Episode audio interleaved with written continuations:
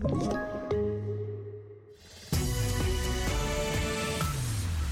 TV4-nyheterna börjar i USAs huvudstad Washington DC där kaos utbröt sent igår kväll. Hundratals Trump-supporters stormade kongressen och förhandlingarna om utnämningen av Joe Biden fick avbrytas. Minst fyra personer har dött i samband med attacken mot kongressbyggnaden varav en av dem är en kvinna som sköts till döds av polisen inne i byggnaden. USAs vicepresident Mike Pence riktade hård kritik mot de som stormade kongressen när han talade inför kongressen när sammanträdet återupptogs och han sa bland annat att våld vinner aldrig. To those who wreaked havoc in our capital today, you did not win. Violence never wins. Freedom wins. And this is still the people's house.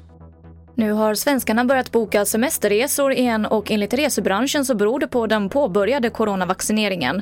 Framförallt handlar det om sommarresor till medelhavsländerna och TUI och Ving hade förra veckan nära en fördubbling av bokningar jämfört med veckan innan. Och idag träder Folkhälsomyndighetens rekommendationer om munskydd i kollektivtrafiken i kraft. Alla som reser under morgontimmar och eftermiddagar rekommenderas att bära munskydd. Och det var det senaste från TV4 Nyheterna. Jag heter Emily Olsson.